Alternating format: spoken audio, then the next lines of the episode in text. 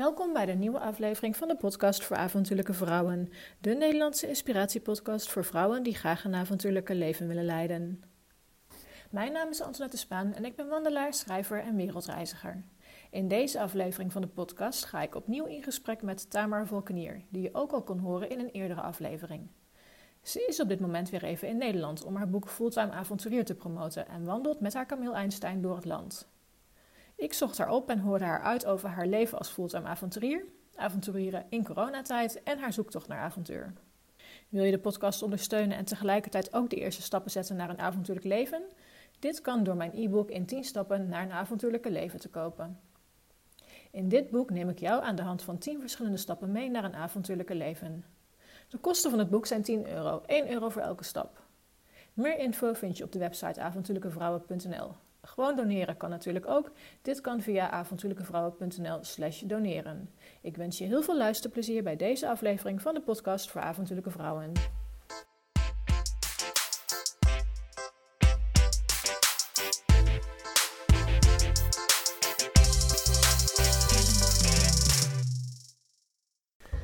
Tamar, van harte welkom opnieuw in de podcast voor avontuurlijke vrouwen. We zitten hier in het prachtige uh, Alphen. Alphen, klopt. Goed, uh, de hoeves. Yes.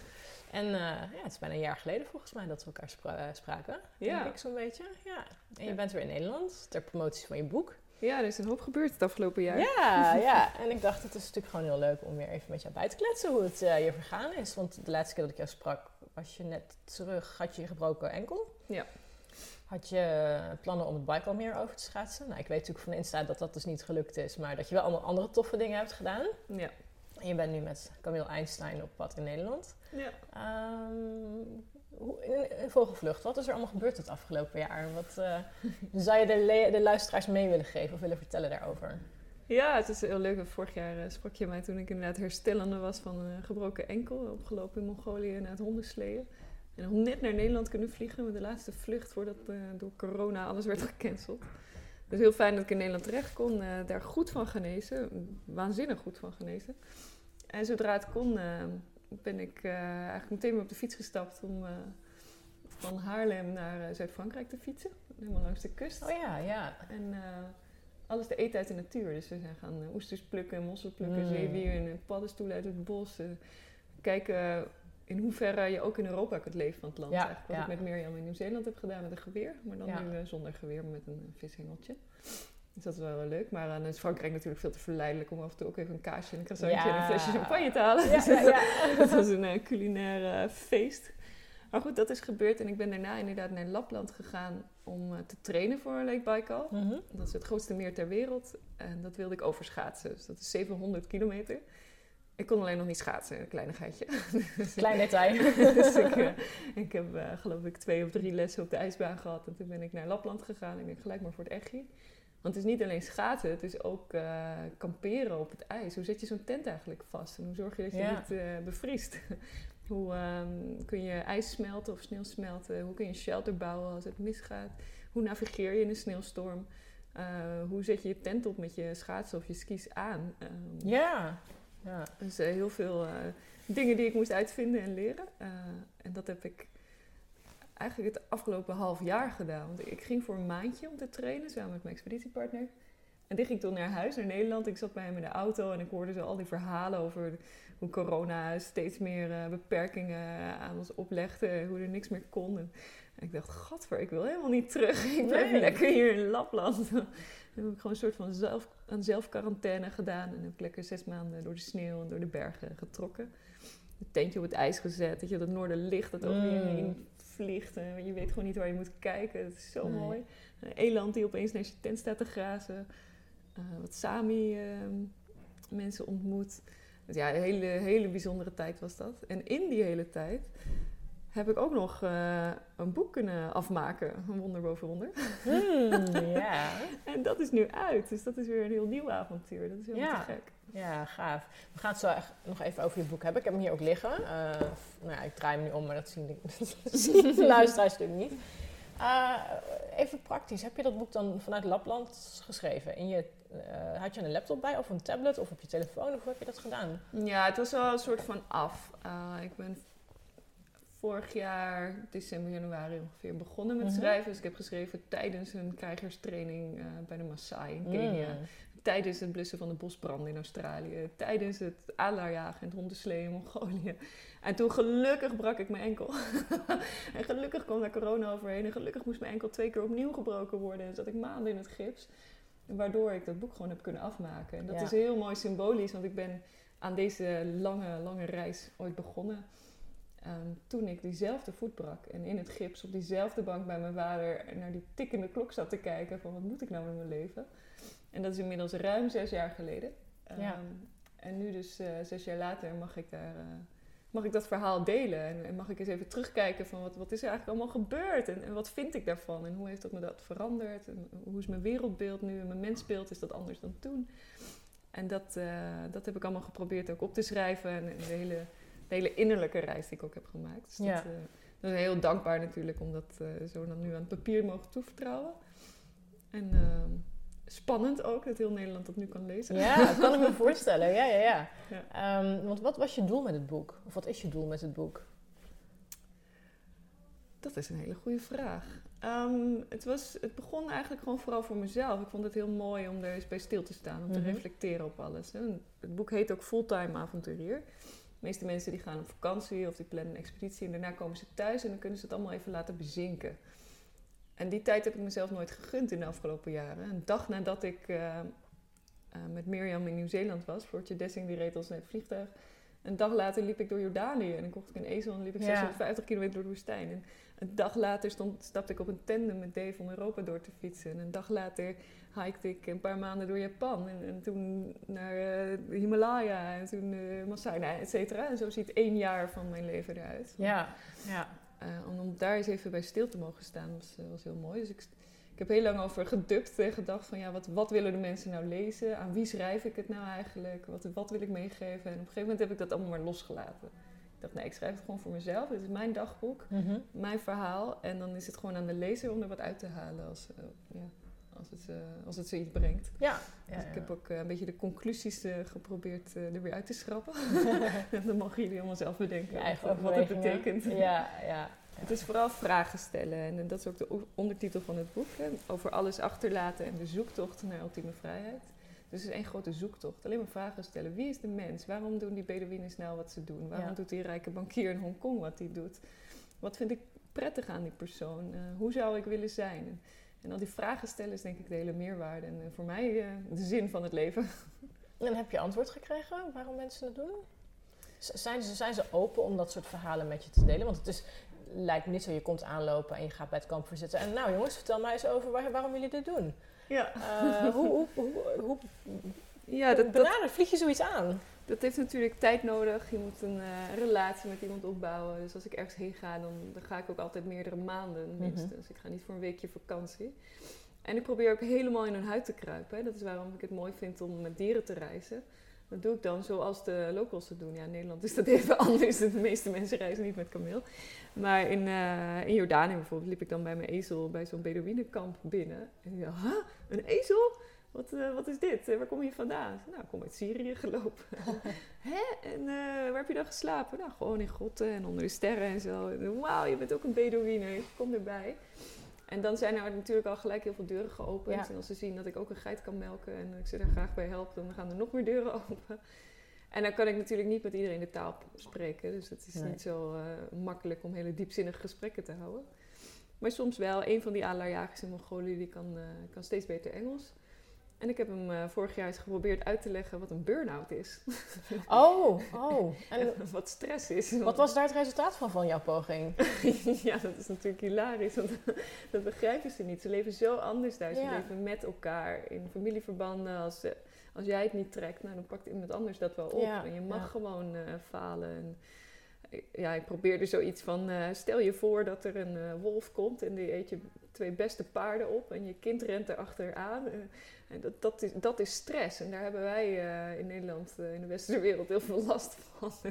ja, daar moest hij alleen maar heel hard om lachen. Oh, dat zou grappig zijn.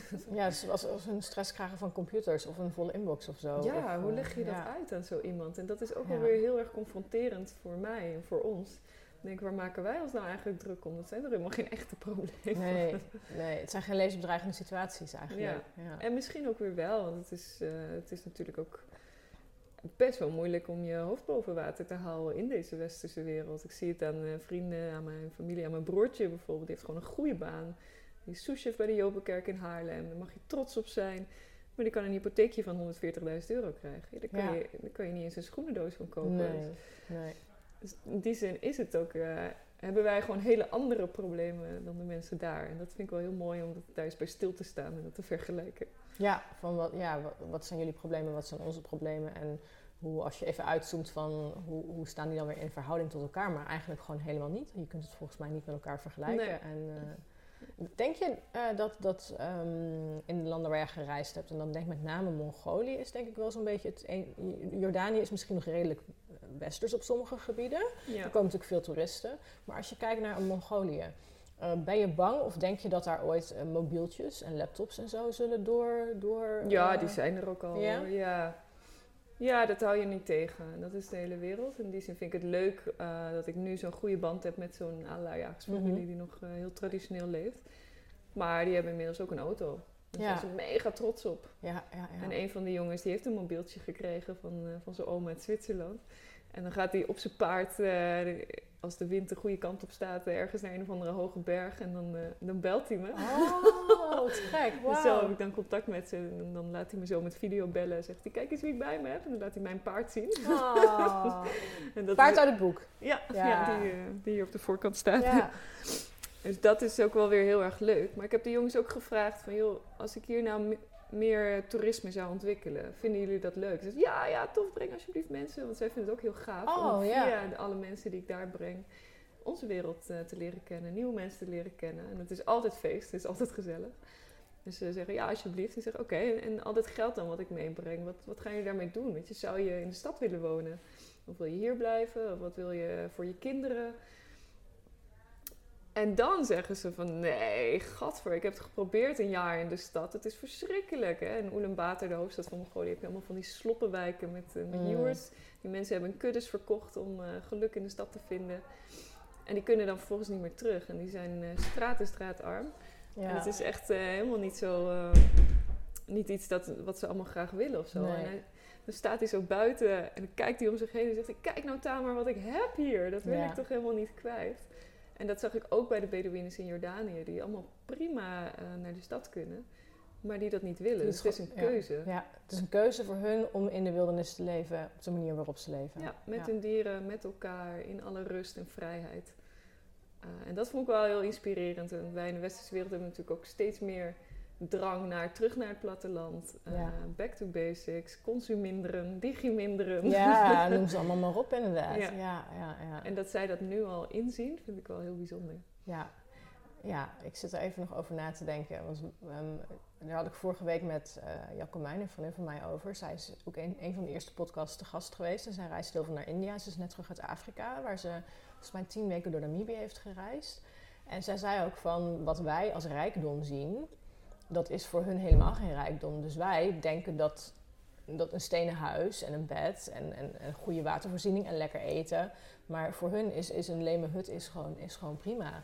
Dus um, ja, het is natuurlijk voor ieder aan zich, uh, voor elk volk, is rijkdom weer iets heel anders. Ja. En ik denk dat het heel mooi is dat zij zelf ook dat kunnen zeggen en die, die keuze ook hebben van oké, okay, we hebben het geprobeerd, is niks voor ons, we gaan weer terug naar onze oude, waar we vandaan komen en weer leven van de natuur. En ik hoop gewoon ook dat dat zo blijft. Dat dat, uh, Ja. uh, maar ja, dat, ja, dat Ja. weet je natuurlijk nooit. Maar ja, ik gun het, ik gun als zij die toeristen willen, want dat vind ik wel belangrijk. Dat wij niet ons gaan opdringen aan, aan volk waar ze daar helemaal niet op zitten te wachten eigenlijk. Ja. Maar als zij dat willen, dan, uh, Ja. dan is dat alleen maar mooi natuurlijk. Dat, dat, dat de wereld meer van hun kan leren. Ja, en dat is een hele lastige balans. En moet ik daar nou toeristen naartoe brengen? Doe ik daar goed aan? Ik verpest ook een cultuur daarmee. Ja, Maar anderszins, eh, de adelaars werden ingeruild voor geweren en de paarden werden ingeruild voor motoren. En hoe meer toeristen daar komen, dan gaan ze toch weer terug naar hun roots, omdat ze er wel heel trots op zijn, dat, Ja. dat adelaarjagen. Ehm, die cultuur willen ze zelf ook in leven houden. Is het nou goed of slecht, weet ik niet. Dus ik laat het gewoon helemaal afhangen aan wat zij willen. Ja. Vinden jullie dat leuk, jongens? Oké, Ja. dan neem ik weer eens iemand mee. Ja, en het, het, het punt is natuurlijk ook wel een beetje van, ja, als jij het niet doet, misschien dat iemand anders het dan wel doet. Natuurlijk dat Dus het zal sowieso, wel gebeuren, in, denk ik. Ehm, maar fijn dat ze wel die keuze nog maken van, oké, het, eh, in de stad is het niet beter. We laten ons niet verleiden door ja, verleidingen die je daar dan misschien tegenkomt, maar op het platteland niet hebt eh, uiteindelijk. Ja. Ja, dan ben je dus nu gewoon door Nederland aan het lopen met je, met je Camille Einstein. Ja. Ehm, even kijken, je hebt hem gekocht. Nee, even voor de, voor de luisteraars. Eh Tamer is dus, hoe lang ben je nu terug in Nederland? Een paar Een weken? maand, Een maand, ja. Nou ja, het boek is uitgekomen. ja. En eh, ja, min of meer ter promotie van je boek ben je hier in Nederland op pad gegaan. Wat, wat doe je op dit moment? En hoe heb, je, hoe heb je het überhaupt bedacht om dit te gaan doen? Ja, ja het boek kwam, eh, kwam uit op 7 april. En het voelde een beetje alsof ik jarig was en er niemand op mijn feestje kwam. Mm. ik had gewoon echt een shitdag. Ja, Want eh, hè, je mag niks, je mag geen feestjes geven, Nee. je mag geen eh, lezingen, geen presentaties. Dus alles wat ik had bedacht van nou, ik ga het eh groots verkondigen, dat we alles gecanceld gewoon. ja. En dat is heel erg jammer. Maar toen dacht ik, nou, er moet toch iets anders te verzinnen zijn. Wat is nou een leuke manier om toch aandacht aan het boek te geven ja. en tijd in Nederland te zijn voor alle aanvragen die misschien nog binnenkomen. En toen dacht ik eerst, nou, ik kan natuurlijk eh, op de fiets stappen en het boek eh, bij de mensen thuis gaan bezorgen. Lijkt me wel leuk om zo ook door Nederland te fietsen. En toen had ik een ezeltje gevonden, leek me wel leuk. En toen dacht ik, nou, ik ga toch even kijken of het kan. Of je met een kameel door Nederland kunt reizen. Ze überhaupt te koop? En aan welke voorwaarden moet je dan voldoen? Moet ik dan een examen afleggen of zo? ja. Moet die getest worden? Moet die, moet kameel een mondkapje op? Wat doe ik met die poep op straat? Mag, Ja, dat niet? oh. Ja, allemaal vragen die we zo beantwoord willen hebben volgens Ja. mij. Je mag na tien, hè, toen hadden we nog avondklokje, je mag wel je hond uitlaten. Mag, Mag je je ook je uitlaten? Is er überhaupt jurisprudentie over? Wie moet ik daarvoor bellen? Ja. Nou, heel veel vragen natuurlijk. Mhm. Dus ik ben gewoon eens gaan googlen. Kameel te koop in Nederland. Ik was toen nog in, in Zweden, in Lapland. En ik zag een paar op marktplaats staan. Marktplaats, voor alles. voor alles. Maar die zagen er heel zielig en eh, onverzorgd en eh, ellendig Mm. uit. Ehm, en toen zag ik Einstein op eh, de foto op de website van een dierenhandelaar in Venray. Mhm. En ik heb hem gebeld en even gevraagd van, joh, hoe zit dat? Wat, wat is dat voor beest? En zou ik daarmee eh, door Nederland kunnen lopen? Hij zegt, nee, f- eh, wat jij wil meid, eh, kijk maar even wat je doet. Zo ongeveer. Hij gelooft het ook niet. Dus ik heb het op zwart op wit laten zetten. En ehm, ik zei, ja, verkocht. ik neem hem, zonder hem te zien. En toen ben ik daar vier, drie weken geleden ben ik daar naartoe gegaan. Joh, mag ik een week op jouw landje dan kamperen? En eh, met hem gaan trainen, want Einstein is nog maar heel erg jong. Mhm.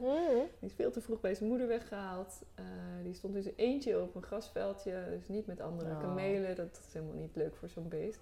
En ook wel een beetje alle ingrediënten voor een eh, verschrikking natuurlijk. dus toen ik daar aankwam, kwam hij rennend en bijtend mij het veld uitjagen. Ik had helemaal geen zin in die aandacht. Dus dat heeft wel echt wel wat voet in aarde gehad om hem te trainen. Ik heb een vriendinnetje uit Oostenrijk die is hierheen gekomen om me te helpen. Ja, En samen hebben we gewoon een heel leuk, eh, lief beest van hem gemaakt. ja. En inmiddels, eh, nou, je hebt hem ontmoet. Ja, het is een schatje. Het is echt een lekker ding. Ja, ik, ik zit de, de hele tijd te kijken en denk, oh, wat een prachtig beest heb je uitgekozen. Ja, Dus dat heb je supergoed eh gedaan. ja en hij Ook- is gewoon heel lief. Ja. Hij wil heel graag al die aandacht. En, eh, Ja, ja, ja. eh, hij geniet echt van de tocht. En dat is ook mijn, voorwaarde. Zolang hij het leuk vindt, gaan we verder. Als Ja. hij er geen zin meer heeft, dan, eh, dan stoppen we.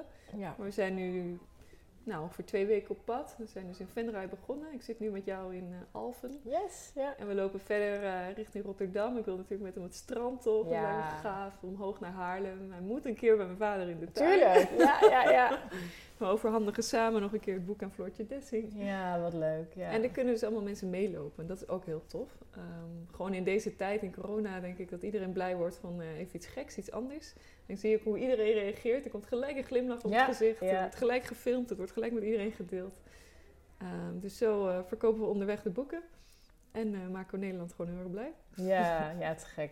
Nou ja, gisteren kwam jij hier aan. Ik was net iets voor jou, was ik gearriveerd. En ik vroeg aan de eigenaar van, eh, is de dame met de kameel er al? Nee, die verwacht ik over vijf minuten. En toen zei hij, oh, ik zie mensen rennen. Dus dat betekent dat ze er aankomt. En ik kwam er inderdaad aan met een hele kolonne kinderen en filmers en weet ik veel wat. eh, ja, warm ontvangst. Ja, ja, het is natuurlijk ook mijn vakantie nu, dus die Ja. heb je als bonus. Ik zal vanaf volgende week denk ik rustiger eh, worden.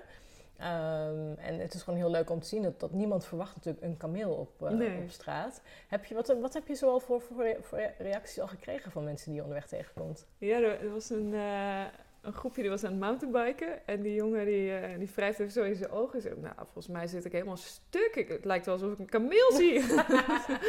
die was heel leuk. En ehm, ja, iedereen gewoon, eh, kom alsjeblieft bij ons in de tuin. Je krijgt overal eh, Ja. verzoeken van, eh, wil je alsjeblieft bij ons logeren? Dus we hebben bij een buitenschoolse opvang gestaan, bij een zorgboerderij, bij een bejaardencentrum. En al die bewoners die, eh, die vinden dat gewoon geweldig. Dus eh, Ja. ze lopen allemaal uit om, eh, om hem even te komen bezichtigen. Ja. En dat laat hij ook wel toe. Of tenminste, het is gewoon een schatje. Dus je kunt in principe op het moment dat hij geen ochtendhumeur heeft, kan je hem gewoon eh, even lekker aaien. Ja. En eh, ja, het van dichtbij bekijken. Zo. Ja. Hij is heel toegankelijk. Ja, Dat is, sterker nog, eh, dat vindt hij echt leuk. Dus eh, ja. doe dat vooral. Kom Ja, lekker kijken. En als, als, als mensen dan denken van, van, oh, dat wil ik. eh, hoe kunnen ze dat dan boeken? Ja, boeken of... Ja, hoe, Ja. ik kan me voorstellen dat er de vrouwen die luisteren en denken... oh, ik wil een dagje met Tamer meelopen. Ja. Ehm, hoe, hoe kunnen ze dat regelen? Ja, op eh, Facebook en op Instagram. Gewoon mijn naam, Tamer Valkenier. Daar hou ik dagelijks de route bij. En vertel ik waar we heen gaan en of er nog plek is om eh, mee te lopen. Ja. Eh, dan kun je gewoon even een berichtje sturen. Dan regelen we dat. Leuk? Ja. Tof. Yes, nou, we hebben gisteren ook al eh, heel veel van jouw boeken verkocht aan eh, Ja. allemaal leuke mensen die kwamen kijken. Ik was, eh, voor de luisteraars, ik was gisteravond dus al hier. Ik heb vannacht lekker geslapen. En eh, nou ja, er komt allemaal aanloop eigenlijk naar jou toe en jouw mooie banner en zo. Ja. En eh, ja, je boek ligt hier eh, dus op tafel. Ik had hem meegenomen. Eh, ik heb er enorm van genoten. Ik kende een deel van het verhaal kende ik van onze vorige podcast en van Miriam, die ik natuurlijk een paar keer heb gesproken ook. En eh, Ja. nou, ik vind het gewoon heel, eh, heel tof, want heel veel, mensen, heel veel mensen die ik gesproken heb, ehm, die zijn dan na, die, die gaan dan ook zoiets doen of die willen hè, bij de wereld intrekken. En die zijn dan na twee, drie jaar zijn ze er klaar mee. Denken ze van, nou, ik heb het nu gehad. eh, en ik ben wel weer toe aan een, aan een gewoon huis of een, hè, ik doe aanhalingstekens, maar gewoon leven. Ja. Nou, jij bent nu zes jaar verder, je bent nog steeds eh, onderweg. ja. Ehm, denk je dat het iets is wat je altijd zou kunnen doen? Of blijven volhouden? Ik, ik vind het heel moeilijk om daar iets over te zeggen. Ehm, ik denk ook wel eens af en toe van... God, het zou lekker zijn om een eigen plekje te hebben. Je eigen dieren vooral. Ja. eigen groenten verbouwen. Ehm, maar telkens als ik een stap in die richting zet... dan denk ik... Oh, nee, toch eh, Nee. nog even niet hoor. Ik heb Nee. nog veel te veel te doen en te ervaren. Ja, nee, dat is dan wel een, goed, een goede uh, angst, of, uh, um, angst? Ja, raadgever. raadgever ja. inderdaad. Van als je dat gevoel al krijgt, dat je, oké, nou dan is het toch volgens mij ook gewoon duidelijk, toch? Ja. Want je kunt, je kunt daar heel lang over filosoferen van, moet ik wel doen, niet doen, wel doen, niet doen, wel doen. En- Maar ja, Ja. als jouw hart dat gewoon ingeeft dat je nog niet klaar bent, dan... nee, eh, precies. Ik laat het allemaal een beetje op zijn beloop.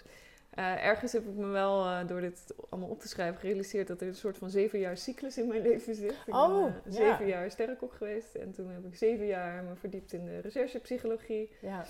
En nu ben ik zes jaar op reis, dus misschien nog een jaartje. Een jaartje, ja. Maar wat, het thema wat natuurlijk altijd zal overheersen is vrijheid. Wat ik ook ga Ja. doen, ik ga het wel op zo'n manier doen dat ik vrij ben om dat weer te veranderen.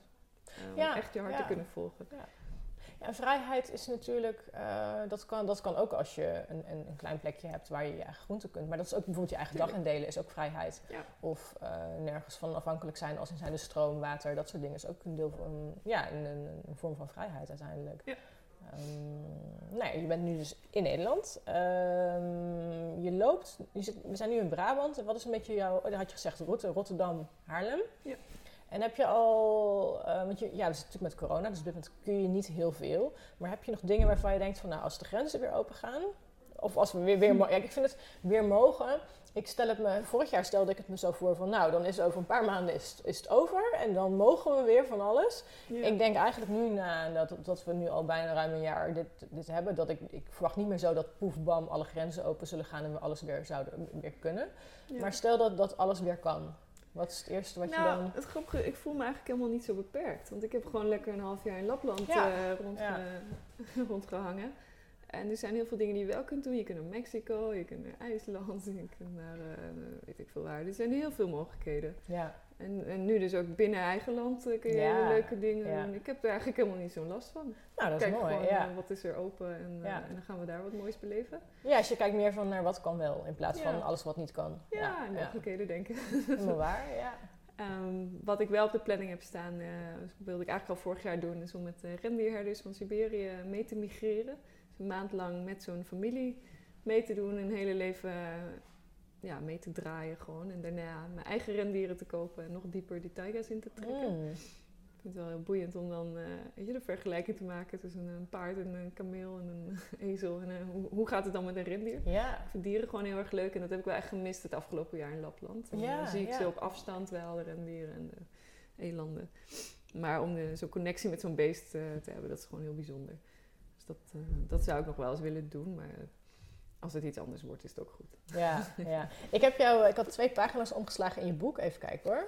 Ehm, ja, de- eh, helemaal op het einde. Dus als jullie nu niet, geen, nou, het is niet echt een spoiler, maar niet willen luisteren, mute dan de podcast even. maar aan het einde van het laatste hoofdstuk in Jordanië schrijf je: Nu ga ik echt nooit meer met een dier reizen. Die ging de volgende mor- morgen. Eh, wat, wat maakt het voor jou? Want je, doet, je reist veel alleen, maar dan komt dan toch vaak een dier bij. Dat je dan eerder voor een dier kiest dan voor een mens. Is, dat- is, is dat überhaupt een bewuste keuze? Of is het iets wat je gewoon bijvoorbeeld overkomt? Ja, ik weet niet of je echt voor een mens kunt kiezen. Die hebben toch ook een eigen wil. Ja, ja, dat is waar. Ja, En een dier op zich ook hoor. Ehm, maar ik vind de relatie met een dier zo mooi omdat het echt onvoorwaardelijk is. Als Einstein eh, stout is, dan betekent dat ik iets verkeerds van hem vraag. Hm. Ik iets vraag wat hij niet, eh, waar hij gewoon nog niet klaar voor is. En dus de hele training is ook helemaal op vertrouwen gebaseerd. Ik, ik moet ervoor zorgen dat hij eh, zich veilig voelt bij me, dat ik hem niet overvraag. Dus ik introduceer alles rustig aan, stapje voor stapje. En dan kijk ik hoe hij erop reageert. Dus te veel, oké, dan doen we weer een stapje terug. Nou, we hebben gisteren 17 kilometer gelopen, daarvoor, daarvoor al 15. Met een rugzak op. Binnen twee weken sinds ik hem ken. Het is ongelooflijk dat het allemaal kan. Ja. Dat hij brave eh, met me meeloopt en het ook echt leuk lijkt te vinden. En alle dieren even mag snuffelen. Hij mag onderweg eh, alles eten wat hij wil eten. Ik laat het ook helemaal eh, aan hem om een tempo te bepalen. En die, die interactie is gewoon heel erg bijzonder. Met mensen is dat ook hoor. Dus ik vond ook de, de reis met Mirjam vond ik geweldig natuurlijk. En hebben we echt een hele, hele mooie band opgebouwd. Ehm, en dat was ook onvoorwaardelijk. Eh, en met Dave, eh, mijn vriendje, eh, is onvoorwaardelijk. En dat is, ehm, ja, dat is iets wat je uit de natuur misschien nog wel meer haalt dan in interacties met mensen. Er zit toch altijd een beetje een soort van masker overheen. En, Ja. We doen ons anders voor dan we zijn. Ja. En daar ben ik ook schuldig aan. Daar is iedereen schuldig aan. Onbewust. En vaak. dat duurt gewoon wat langer, denk ik, tot je echt tot de kern komt. En misschien moet je dan ook echt in een diepe, in een, een Nieuw-Zeelandse berg storten om pas daar te komen. Ja. Dat is toch lastiger in een druk Nederland. Ja, ja, je ziet het hier al hoeveel aanloop je eigenlijk al hebt op, Ja. een, eh, op een camping. En dan onderweg zal het nog wel veel hectischer, eh, hectischer zijn.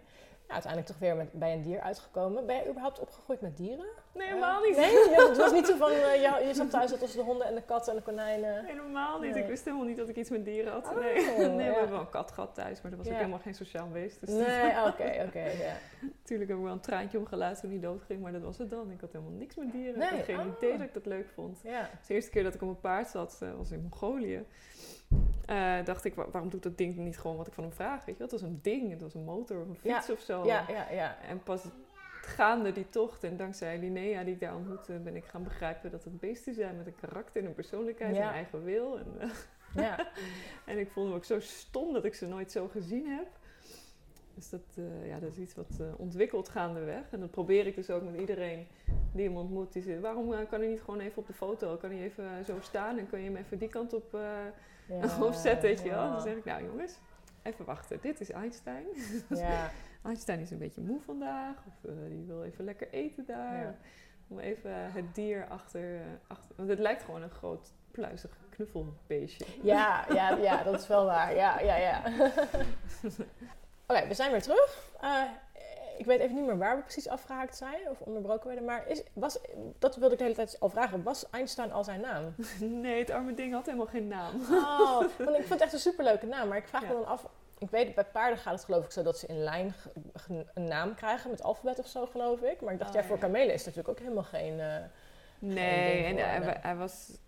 Ja, hij had gewoon geen naam. Hij was voor de verkoop weer. Ja. Dus die, die man die probeert ook niet te veel aan te hechten. Nee, de naam, ja, de naam voegt natuurlijk ook wel een stukje persoonlijkheid aan zo'n beestje toe. Ja. En wat heel erg leuk is, is eh, mijn vriendin Suzanne, die heeft hem dus die naam gegeven. En toen heb ik dat aan een paar eh, mensen verteld, eh, nou, volgens mij heet hij Einstein. En, en dan is Ah, vervolgens de hele ja. tijd, hoe is het met Einstein? Ja. Dus dan, dan is die naam Het is gegroeid eigenlijk. Ja, ja, ja, ja. Die krijg je niet meer vanaf. Maar het past ook wel bij hem. Hij is mega slim. Hij leert ontzettend snel. En iedereen die eh, een beetje iets van paarden weet, die, die zegt ook van... Nou, het is ongelooflijk dat je nu al met hem op straat kunt. Dat hij nu al een rugtas draagt. Je? Mijn paard doe je er drie jaar over om hem zadelmak te maken. Wauw, En ja. hij doet het in eh, twee Hij weken. Ja. Dus dat is cool. En, en ehm, heb je ook wel eens dat je... eh, jij kan dus niet even een supermarkt of zo in om eh, boodschappen of zo te doen. Want je kunt hem niet ja, van bij de honden vastbinden, bij wijze van spreken. Ja. Heb je, eh, ehm, kan je hem überhaupt ehm, uit het oog verliezen? Of hoe moet ik dat zeggen? Even, even, Even alleen laten. even alleen laten? Ja, s'nachts natuurlijk sowieso moet dat. Ja, ja, in het begin helemaal niet. Wilde ik er ook gewoon s'nachts bij zijn. Maar ook om te kijken, gewoon wat doet hij eigenlijk? Hoe Ja. lang slaapt hij? Wat doet hij als het regent of als het waait? Hoe reageert hij daarop? Ik wil hem gewoon eh, echt goed leren kennen. En ik wil dat hij mij leerde kennen. Dus ik ben ook gewoon in het veld eh, een boekje gaan zitten lezen. En hij mag zelf kiezen wanneer hij naar me toe komt. En, eh, en hem geleerd dat als hij bijt, dat hij dan geen aandacht krijgt, dat ik dan weg ben. ja. En als hij liefde gewoon een beetje snuffelt, dan Ja. krijgt hij alle aandacht van de wereld. Ik Ja. hem lekker borstelen en dan gaat hij helemaal voor staan. En dat werkt gewoon heel erg goed. ja. Ja, hem alleen laten kan natuurlijk als hij gewoon een goed veldje heeft met een goede omheining. ja. Dus daar ben ik nu telkens naar op zoek. Ik, eh, ik loop pas verder als ik weer een, volgend plekje heb waar die gewoon eh, Lekker kan grazen. lekker kan grazen. Ja, ja. En als er een supermarkt in de buurt is, kan ik daar natuurlijk naartoe lopen. ja, dan kan je hem gewoon even achterlaten. Gelukkig ja. word ik heel warm ontvangen door heel Nederland die me Ja. dan, eh, onder de hoede neemt. En eh, Ja. iedereen kan wel een, broodje kaas missen. Weet je wel. Ja, precies. Ja. Nou, ik vind het heel mooi dat je wel vertelt dat het dus niet even je koopt een kameel en je gaat aan de wandel. Want ik kan me voorstellen dat er nu mensen denken van, oh, het is gek, dat wil ik ook. Ja. Maar ik vind, nee, maar ik vind het heel, heel goed dat je vertelt van, Ja. dat je dit niet zomaar eventjes kan doen. Nee, kijk, Want je kunt het alleen maar doen als je echt eh, hem gewoon alle vorm van de wereld geeft. En, en zorgt dat er goed voor hem gezorgd wordt. Dat je hem niet in gevaarlijke situaties brengt, dat je hem niet overvraagt. Als je, als je met een kameel over straat gaat die er niet klaar voor is, die niet goed getraind is, nou, dan kan wel heel eens gevaarlijk worden. Dan Ja. kan je wel eens onder een auto komen of zo, Ja. een, vrachtwagen, weet ik veel. Nou, dat, dat is het ergste wat er is. En ook eh, weten wat hij wel en niet kan eten. Want hij Ja. weet het zelf niet, hij eet alles op. Alles. Ja, ja, Het moet ook ja. heel scherp zijn. En dat is dan wel jammer dat Nederland gewoon echt wel vervuild is. Eh, elk eh, blikje en elk Oh, sigarettenpakje, dat ja. pakt hij op en wil hij opeten. Ja, dat is niet zo dus ik moet nee. Ja. mega scherp zijn op hem en op alle mensen die eromheen eh rennen en op hem afkomen. Dus echt vrij bestaan is het niet. Het is heel druk. Nee. en Logistiek. Nee. Ik ben eh, aan de telefoon eh, geplakt Ja. om te regelen waar we dan weer kunnen slapen, waar we heen gaan, eh, welke route ik moet lopen. Om zo een rustig mogelijke route te vinden. Dus het is echt niet heel erg makkelijk inderdaad. Je moet wel een beetje weten wat je doet. Ja, nou, ik vind het wel belangrijk om dat te benoemen. Want Zeker. ja, en, Ja. je kunt alleen zoiets doen door het op te bouwen, inderdaad. Ja. En niet gewoon zomaar zeggen van ik haal ergens een dier vandaan en oh leuk, we gaan op pad. Ja. En dat is wel gewoon met beleid en zorg en heel veel liefde en aandacht. En ik eh, heb natuurlijk over de wereld veel geleerd over kamelen. En ik word ondersteund door een bedrijf dat heet Camel Connection in Australië. Oh, die trust-based camel training doen. Ik heb hier eh, alle dierenartsen van het land gebeld. eh, trainers eh, in de dierentuinen. Af en toe bel ik zo'n dame. Ik zeg, joh, ik zit hier een beetje mee. Hoe moet ik dat doen? Zegt ze, nou, als ik de tapirs train, dan doe ik dit en dat. eh, De is ook echt, ja, geweldig. Ja. Peter Klaver, oude dierenarts van, eh, van Artis, die zelf ook veel met Arita Bayes heeft gereisd en met Oh, ja. kamelen in Saoedi-Arabië heeft gewerkt. Die ondersteunt me bij vragen. Dus er zit wel een heel netwerk omheen. Ja. Het is niet dat je zomaar even... Een kameel van Marktplaats haalt en daarmee gaat nee, wandelen. het, het kan. Ja. Er zijn geen, eh, niet echt regels voor. Nee. Maar ik zou het niet doen. We hebben een laatst bezoek gehad van de politie. Oh, vertel. Dus die hadden een belletje gekregen dat er een eh, kameel langs een drukke weg liep.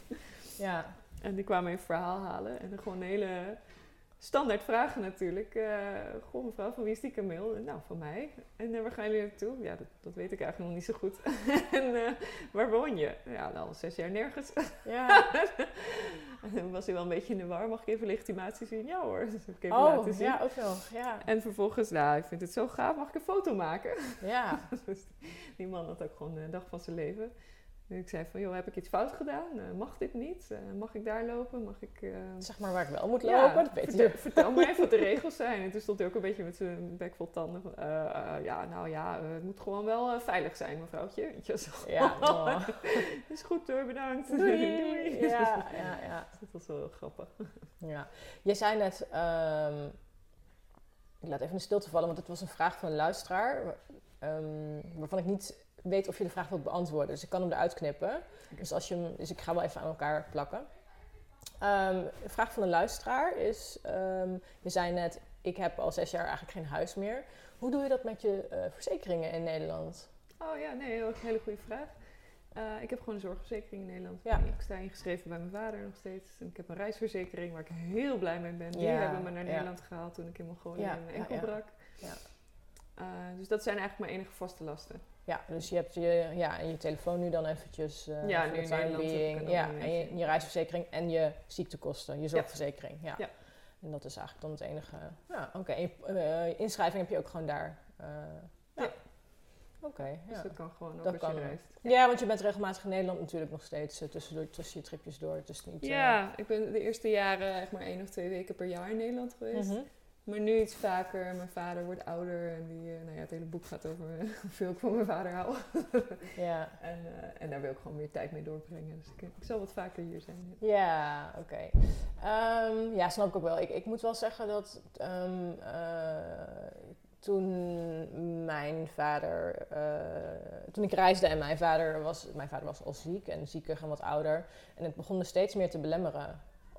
Ik heb me nooit laten weerhouden om het te doen, maar ik had altijd wel zo'n steekje van stel dat er iets met hem gebeurt als ik er niet ben. Eh, ik ben altijd heel dankbaar geweest voor het feit dat hij gestorven is toen ik in Nederland was. Ja. Dat, ik heb geen afscheid kunnen nemen, want het was alsnog onverwacht. Maar ik was wel hier om alles te regelen eh omtrent zijn uitvaart.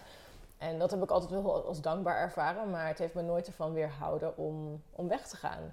Eh, jij schrijft ook in het, in het boek dat je een hele goede band hebt met je vader. En dat hij je alles gunt volgens mij. Ik zag hem Ja. gisteravond, hadden we hem eventjes op de FaceTime. Eh, hey papa van Tamar. Ja. Volgens mij een super lieve, leuke man. Die volgens Ja. mij heel trots op jou is ook.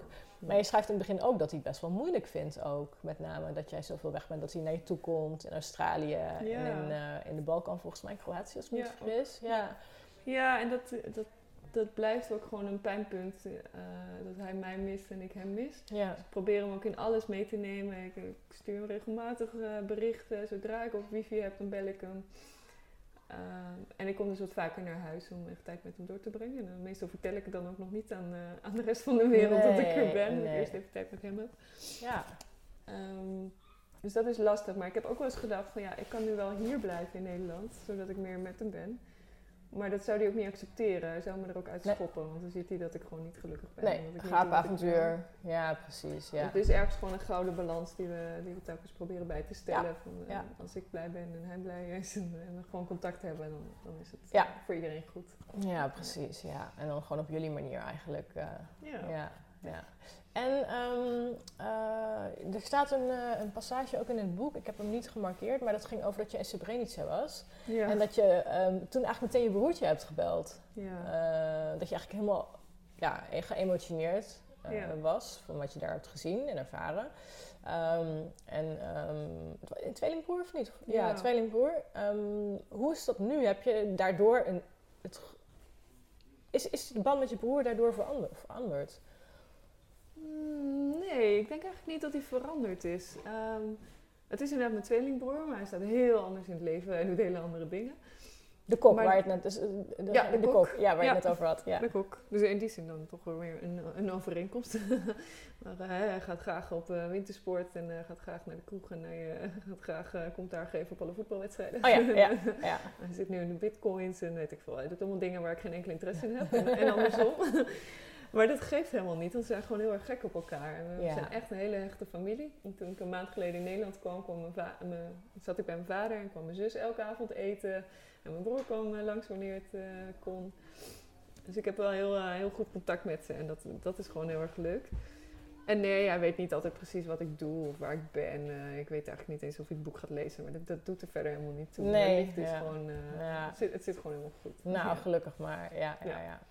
Ehm, ik had nog een passage uit je boek gehaald. Even kijken, ik had hem omgeslagen. Die vond ik ook wel mooi. Die vond ik namelijk, ehm, ja, je schrijft eh, hier, eh, omdat samen zoveel meer is dan alleen. En dat vond ik heel mooi. En want eh, ja, jij, jij doet ook best wel veel alleen. Ja. Ehm, of of met, een, een- met een dier of met een, met een andere persoon.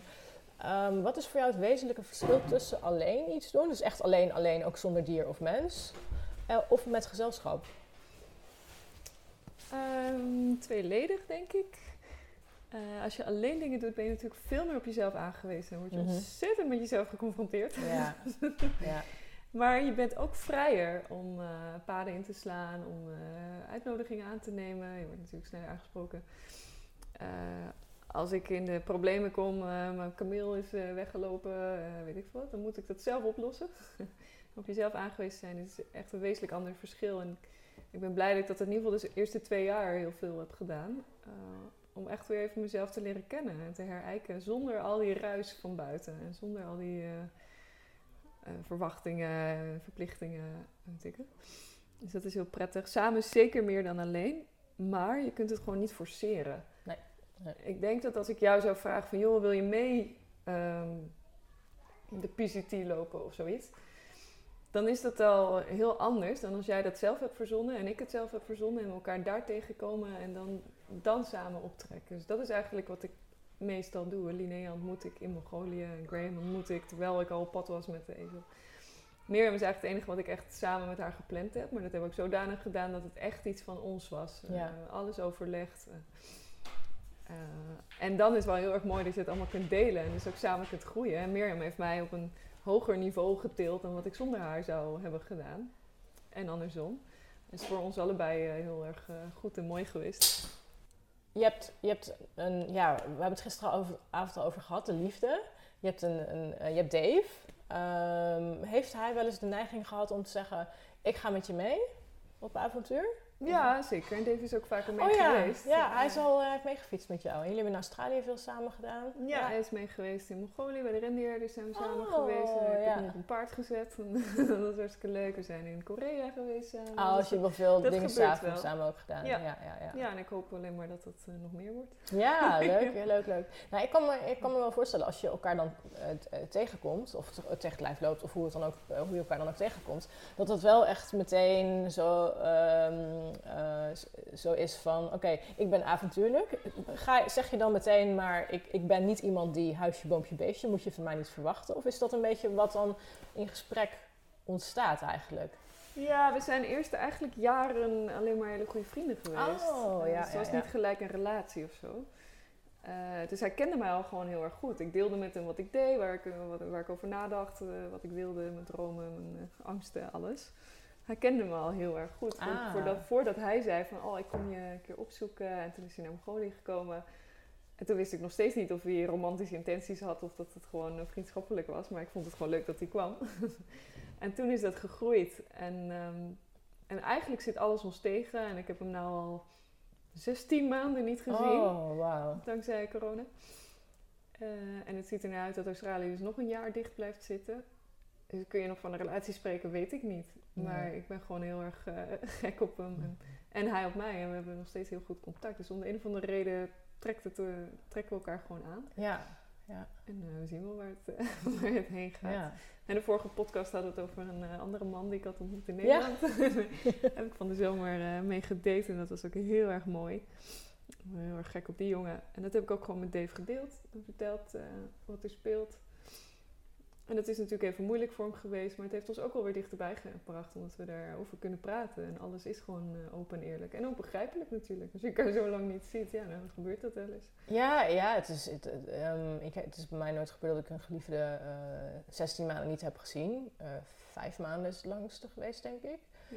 Eh, maar ik kan me voorstellen, je, je weet niet wat er gaat gebeuren. Je kan niet voor, je kan, in mijn inziens, kan je elkaar niet beloven. Ik blijf jou de volgende anderhalf jaar, twee jaar blijf ik jou trouwen. Want dat, dat, dat weet je helemaal niet. Dat Nee. kun je niet beloven, voor, in, naar mijn idee. Nee, en ik zou ook niet willen dat hij me dat zou Nee. beloven. Ik zou het ook nooit van hem vragen. Ik bedoel, eh, ga ervoor, zorg dat jij gelukkig bent. Ja. En die laten elkaar heel erg vrij, ook Ja. op dat vlak. Doe maar gewoon wat goed voelt voor jou. En dan zou hij nu een vriendin hebben en dan eh, straks een maand met mij ergens willen reizen. Vind ik dat ook oké. Ja. Ja, mooi, een mooie visie vind ik dat ook Ja. wel. Eh nou ja, met gisteravond ook uitgebreid al ook over, over relaties en hoe je dat dan aan, aanvliegt eh, als je veel reist. En ja, dat de wereld daar ook in aan het veranderen is. Dus dat het niet meer zo is van jij bent voor de rest van het leven van mij en ik ben voor de rest van het leven van jou. Dat is eigenlijk helemaal niet meer van deze tijd bijna. Durf ik wel het is echt een beetje ouderwets, ja. Ja, ja, nee, helemaal, helemaal En hij heeft de nodige problemen. En, eh, kijk, een open relatie heeft ook de nodige problemen. Maar ik, ik weet niet of die erger zijn dan de relatie van... of een, eh, een geforceerde relatie waarin je elkaar dingen belooft die je eigenlijk helemaal niet wil. Die je niet wilt of die je niet kan nakomen. Ja, Dat is ook altijd maar, er, er overkomen je dingen die je van tevoren niet had kunnen weten. Nee. En die gebeuren. En die, ja, dus dat, eh, ja. Ja. Eh, maar goed, hij kan dus voorlopig dan ook niet naar Nederland nee, komen. niet. Nee. nee, ja, of dan, maar dan mag hij niet meer terug. Vol- Volgens mij mag je wel eruit, maar niet meer terug dan. Of dan Nou, heeft kijk, dat ja. eh, biedt perspectief. ja, dan hou je hem gewoon hier. Ja, hij is wel eens hier geweest, toch? Ja, hij is dus eh, in 2019 hier geweest. Wat vindt hij van Nederland? Heb je het er wel eens met hem over gehad? Ja, natuurlijk. Maar hij was natuurlijk al heel gekleurd door mijn eh, beeld en mijn visie. En hij woont in eh, een van de meest onbewoonde landen ter wereld. Hij is Mm. heel erg eh, op zichzelf en zijn eigen tijdruimte gesteld. Hij is ook echt een man van de bergen die alleen maar lekker de wildernis in wil. Dus Nederland is natuurlijk wel een beetje druk en overwhelming. Ja. Maar hij vindt het ook een mooi land. Hij vindt Europa ook mega interessant. Hij is erg geïnteresseerd in de geschiedenis. Mm, ja, ja, ja. We zijn samen op een tandem door Europa getrokken.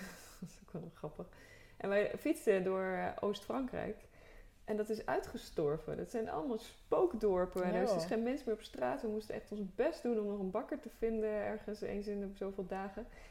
Eh dus hij zei, ja, maar volgens mij is Frankrijk het meest onbevolkte land ter wereld. Mm, ja. het is ook maar net waar je kijkt en waar je Ja, welk pad je kiest uiteindelijk. Ja. Ja, dus niet het gebaande pad, maar misschien moeten we dat andere zijweggetje proberen. Ja, het is niet voor niks dat die plaatsen dan... Of dat, dat, dat de weg daar dan niet naartoe leidt als er niks en niemand meer is. Maar ik kan me ook voorstellen dat dat op, ja, op een bepaalde vorm van aantrekkingskracht weer heeft. Ja. Zo'n zo'n plek. Ja, en Dave vindt het ook heel leuk om te klussen. Dus ik heb verteld van, joh, op Sicilië en Sardinië zo kun je voor 1 euro een huis Oh, kopen en ja, ja. Zou Ja. dat niet wat zijn? En nou, daar had hij wel oren naar. Ja. We hebben samen gekeken naar land op Tasmanië. Dat vind ik zo machtig Oh, mooi. Tasmanië is te gek. Ja. En het is ja. anderhalf keer zo groot als Nederland, maar er woont een half miljoen mensen. ja. Het is waanzinnig groen en eh, prachtig en wild. En eh, een heel groot deel van het eiland is National Park, dus er zal ook nooit meer bebouwd worden. Hoofdstad is tof, is cultureel, er Ja. gebeuren Ja. allemaal leuke dingen daar, evenementen, mooi museum. Ehm, nou ja, dat, dat klinkt gewoon wel heel erg goed, maar ik heb ook gezegd van joh Dave, zolang mijn vader leeft, ga ik gewoon niet op Tasmanië wonen. Dat is, dat is te ver weg. Dat is echt ver. Ja. Dus Ja, ja. eh, moeten iets anders zoeken. En überhaupt of ik ergens wil wonen, ben ik nog Ja, niet nou, over dat is, uit. ja, Dus, ja, eh, ja. En ja. hij ook niet. Hij Nee. is daar ook nog niet klaar voor. Dus we, Nee. we modderen gewoon nog even voort. We zien wel. De oplossing komt uiteindelijk vanzelf. Of, Ja. de op- of als er al een oplossing komt. ja, Eh, maar het komt, denk, ik geloof er heel erg in dat je, er komen dingen op je pad die je nu nog helemaal niet weet. precies. Dus, Ja, eh, dat denk ik ook. En we hebben nog één jaar voor de zevenjaarscyclus. ja, inderdaad. Ja, ja, ja. Dat is wat ook dat wat. Ja. Ehm, even denken hoor. Nou ja, we zitten op bijna 50 minuten. We moeten nog even wat uitknippen. De, vanwege de mensen die steeds binnenliepen. En de, de opladers die werden gedropt. Ja. Ehm, even denken. Zijn er nog andere dingen eh, waar je over zou willen vertellen? Of waarvan je denkt, oh, dat is een ervaring die ik graag met de luisteraars zou willen delen? Of een stelling? Of... Mm. Oh, moeilijk. Ik weet niet, heb je niet nog iets uitgehaald? Ah, nou ja, ik zou nog wel willen vragen, ehm, dat vind ik zelf nog wel interessant. Want jij doet alles low budget. Ja. Eh, en ik eh, krijg regelmatig vragen van vrouwen van hoe kan ik dingen low budget doen? Stel dat, ehm, dus ik weet ook niet of ik deze vraag in de vorige podcast al heb ge- gesteld. Maar hoe zou, hoe zou jij eh, vrouwen die iets meer avontuur in hun leven willen, dus die nu gewoon een kantoorbaan hebben, een huis, een leuke vriendinnenclub, eh, maar die toch wat meer avontuur zoeken, hoe, hoe- met een beperkt budget of een, geen budget, wat zou je ze aanraden? Ja, loop gewoon de deur uit. Zo heb ik het gedaan ooit. Ik Ja, gewoon op een ja. fiets van 150 euro gestapt en ik ben gewoon de straat uitgefietst. En daar is het allemaal mee begonnen. Ja. Eh, dus hè, de avontuur is overal natuurlijk. Is vooral mindset. Eh, daar zijn we het allemaal wel over eens, denk ik. Ja, ja. Eh, maar er zijn heel veel low-budget dingen die je kunt doen. Weet je, een paar skis. Kost eh, 100 euro misschien. Dan ga je naar Lapland en dan ga je gewoon een paar maanden daar verdwalen. ja. Of een, ja, een dier kan natuurlijk altijd, maar een, een fiets of een, gewoon een benenwagen. Ga gewoon, doe gewoon iets. Dat Ja. is het eigenlijk. Want Ja. het maakt niet uit. Zolang je in beweging bent, is er avontuur. Kom in actie. Als je gewoon eens naar een nieuwe plek gaat, een nieuwe persoon aanspreekt, iets geks doet, eh, doe een rare hoed op. dan krijg je al aanspraak en dan heb je leuke verhalen. Ja. Ehm, ja, doe gewoon iets. Ja. Dat, is, dat is het eigenlijk, de Ja. boodschap. hey, en eh, jouw eh, verhaal over het wegfietsen, dat eh, doet mij nog de- denken aan het begin van het boek, waarin je samen met Janneke, Janneke volgens mij, Ja. fiets je weg. Nou, en zij fietst met jou mee tot aan België. Dan hebben jullie echt ongelooflijk takken weer volgens mij. Koud en een fiets die niet, ja, niet. Geen, geen, luxe, geen luxe fiets. Dus Nee. het zal best wel even afzien geweest zijn. Heb je op dat moment wel eens geda- gedacht, waar ben ik aan begonnen? Ja, continu. Ja. dat was het enige waar ik aan kon denken. Waarom doe ik dit? Waar ben ik aan begonnen? Huilend de straat uit, stromende regen, keiharde wind. Niet te doen. Janneke gewoon op een of andere ou- oude Opel-fiets Barrel. met eh, een paar vuilniszakken achterop gebonden. Ja. Het sloeg helemaal nergens op. Ik denk, wat ben ik nou aan het doen? Ik had zo'n goed leven. Waar, gaat het over? ja. En dat heeft echt wel maanden geduurd voor daar, Maanden zelfs. voordat ik daar een beetje eh, oké mee werd. Vooral, hè, ik was meester doctorandus valkenier. Nee, dat ben ik nog steeds. Maar op een gege- opeens was ik meester doctorandus uh, vlierenfluiter, eh, klaploper, weet ik veel. Ik had, ik had niks meer, ik was niemand meer. En, en daar deed ik het ook voor. En wat als je al die lagen afpelt? Als je niet meer al die dingen hebt om je achter te verschuilen, wie ben je dan nog? Eh, in contact met een ander. Als je geen plan hebt, waar ga je heen? Weet ik niet. Hoe lang blijf je weg? Weet ik niet. Ja. Wat is de volgende stap? Weet ik niet. Dus kan je nog iets anders vragen. En dan gaan de gesprekken opeens veel meer over de zin van het leven of zo. Mm. Eh, Wat zijn nou belangrijke kernwaarden voor je? Wie, welke mensen mis je het meest? Mis ik het überhaupt om carrière te maken? Mis ik het om een dak boven mijn hoofd te hebben? Wat vind ik nou eigenlijk echt belangrijk? Wat nou als ik nu 10.000 euro zou krijgen? Wat zou ik daar dan mee doen? ja, zou je dan, ja, zou je dat überhaupt accepteren? Ja, Dat je denkt, eh, ja, Ja. gaat het je leven überhaupt gelukkiger maken? nou, dat is een hele goede vraag. Ik heb vaak gedacht als ik een miljoen zou winnen, weet je wel. Iedereen heeft allerlei ideeën wat ze daarmee doen. Ja, En ik denk, gadver, ik wil dat vooral niet winnen. Want dan krijg je zo'n druk ook weer op je hoofd van, wat moet ik met het geld? Geef ik dat wel goed uit? Eh, de verantwoordelijkheid voor het geld eigenlijk. Ja, ja, ja. ja, en, en het delen. Je wilt het dan met, met de juiste mensen delen. Ik zou het aan die adelaarjagers willen geven, maar ook aan de Bedouinen en ook aan, eh, weet ik veel wie, aan mijn vader en mijn broertje. En worden die adelaarjagers er eigenlijk wel beter van. En, eh, Ja, en nu ben je eigenlijk alweer aan het Oh. nadenken over dingen die no- nog niet zijn, over 10.000 euro die je eigenlijk nog niet hebt. ja, Dus het kan misschien maar gewoon beter zo blijven. ja. Want dan heb je Ik dat wil- soort Ik wil issues, niet heb met dat soort issues bezig Nee, zijn. precies. Ja, snap ik, snap ik. Hey, en hoe kon jij dat dan opvangen? Als jij op avontuur, of je zat op je fiets en die gedachte kwam op, hoe trotseerde je, of hoe, hoe ging je ermee om? Ja, laat maar komen. En dat is het mooie aan de natuur. Als je, eh, als je wandelt eh, of als je fietst, dan kun je natuurlijk heel goed je hoofd leegmaken. Ehm, door het gewoon maar allemaal te doordenken. De tijd ervoor te nemen. Vroeger eh, met religies hadden we zondag was de dag om te reflecteren. Ja, Om te na te denken over het leven. Doe ik het nou eigenlijk wel goed? En wij worden zo geleefd. En we rennen van hot naar her. En die telefoon de hele dag. dat we daar eigenlijk helemaal niet meer de tijd voor nemen. Om echt eh, wat dieper na te denken over het leven. Hoe, eh, hoe zorg ik ervoor dat ik straks op mijn sterfbed gewoon geen spijt heb gehad? Dat ik geen, geen dingen niet gedaan heb die ik wel had willen doen. Eh, dat de mensen waarvan ik hou weten dat ik van ze hou. Dat ik eh, excuses heb gevraagd voor de dingen die ik fout heb gedaan. En dat heb ik allemaal doorgewerkt op die reis. En eh, dat kan alleen maar als je daar ruimte voor maakt. Als je dus ruimte voor jezelf maakt. ja. En een wandeling in het bos met een, eh, met een stappenteller en een, en een deadline. Want ik moet om kwart voor vier weer de eieren ophalen of Ja. zo.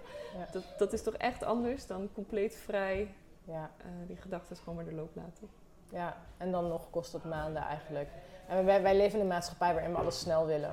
Ja. Oké, ik, ga, ik ga nu naar de sportschool, dan ga ik intens sporten twee weken lang. En dan wil ik een killer body, om het zo maar eens te noemen. En dan wil ik, eh, als ik gezond ga eten, wil ik meteen de volgende dag meer energie hebben. Maar zo werkt het niet. Het is eigenlijk een lifestyle, daar heb je gewoon tijd voor nodig, Ja. denk ik. Ja, en jezelf daar tijd voor gunnen. Gunnen. Ja. Ja, en dat, dat, dat gunnen vind ik zelf nog heel moeilijk. Dat is echt iets waar, waarvan ik denk van, dan zit ik op de bank en dan voel ik me onrustig. En dan denk ik, nou, laat het gevoel er nou eens zijn. Ja. En dan, ja, dus dat is echt... eh, Ja. Ja. Nou, je hebt al snel het idee dat je dan niks aan het doen bent. Ja, en ik moet van alles. Ja. En dat, maar hoe ja. goed is niksen?